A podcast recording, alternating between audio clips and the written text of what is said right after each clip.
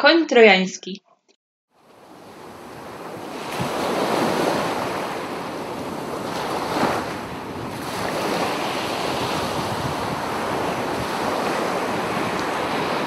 Dawno, bardzo dawno temu miasto Troja było oblegane przez greckich żołnierzy. Przez 10 lat grecka armia przebywała u wrót Troi i wszelkimi sposobami próbowała zdobyć miasto. Pewnego dnia jej przywódca Odyseusz rzekł do swoich żołnierzy: Skoro nie możemy zwyciężyć siłą, poradzimy sobie sprytem. Posłuchajcie, taki mam plan.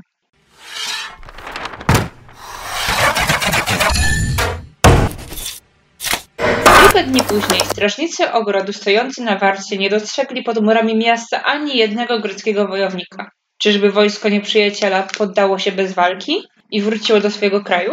Na plaży pozostał jedynie ogromny drewniany koń. Cieszyli się Trojanie. Grecy uciekli nocą, gdzie pieprz rośnie. Zobaczcie, zostawili nam nawet prezent. Wyciągnijmy konia do miasta i dalej świętujmy. Hurra! Bądźcie ostrożni, to z pewnością jakiś podstęp, wołali nieliczni. Ale większość rozradowanych mieszkańców chciało wprowadzić konia do miasta i ustawić na dziedzińcu przed pałacem władcy. Kiedy nadeszła noc, Trojanie położyli się spać. Byli bardzo zmęczeni tańcem i świętowaniem zwycięstwa.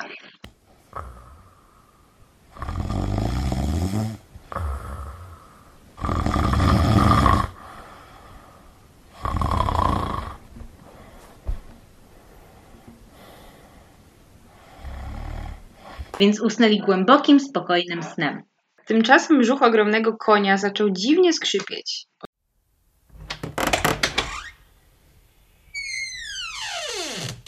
Otworzyły się małe drzwiczki i z końskiego brzucha wyskoczyli greccy żołnierze. Pierwszy, drugi, dwudziesty.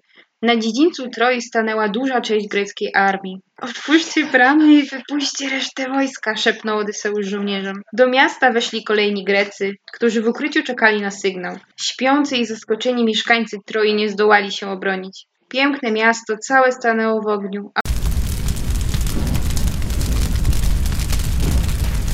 a łuna pożaru rozjaśniła nocne niebo. Po dziesięciu latach prób Grecy opanowali Troję. Koń trojański, symbol podstępu i sprytu, zamienił się w pył. Ale legenda głosi, że można go czasem ujrzeć, jak z płonącą grzywą biegnie po niebie i kopytami strąca gwiazdy.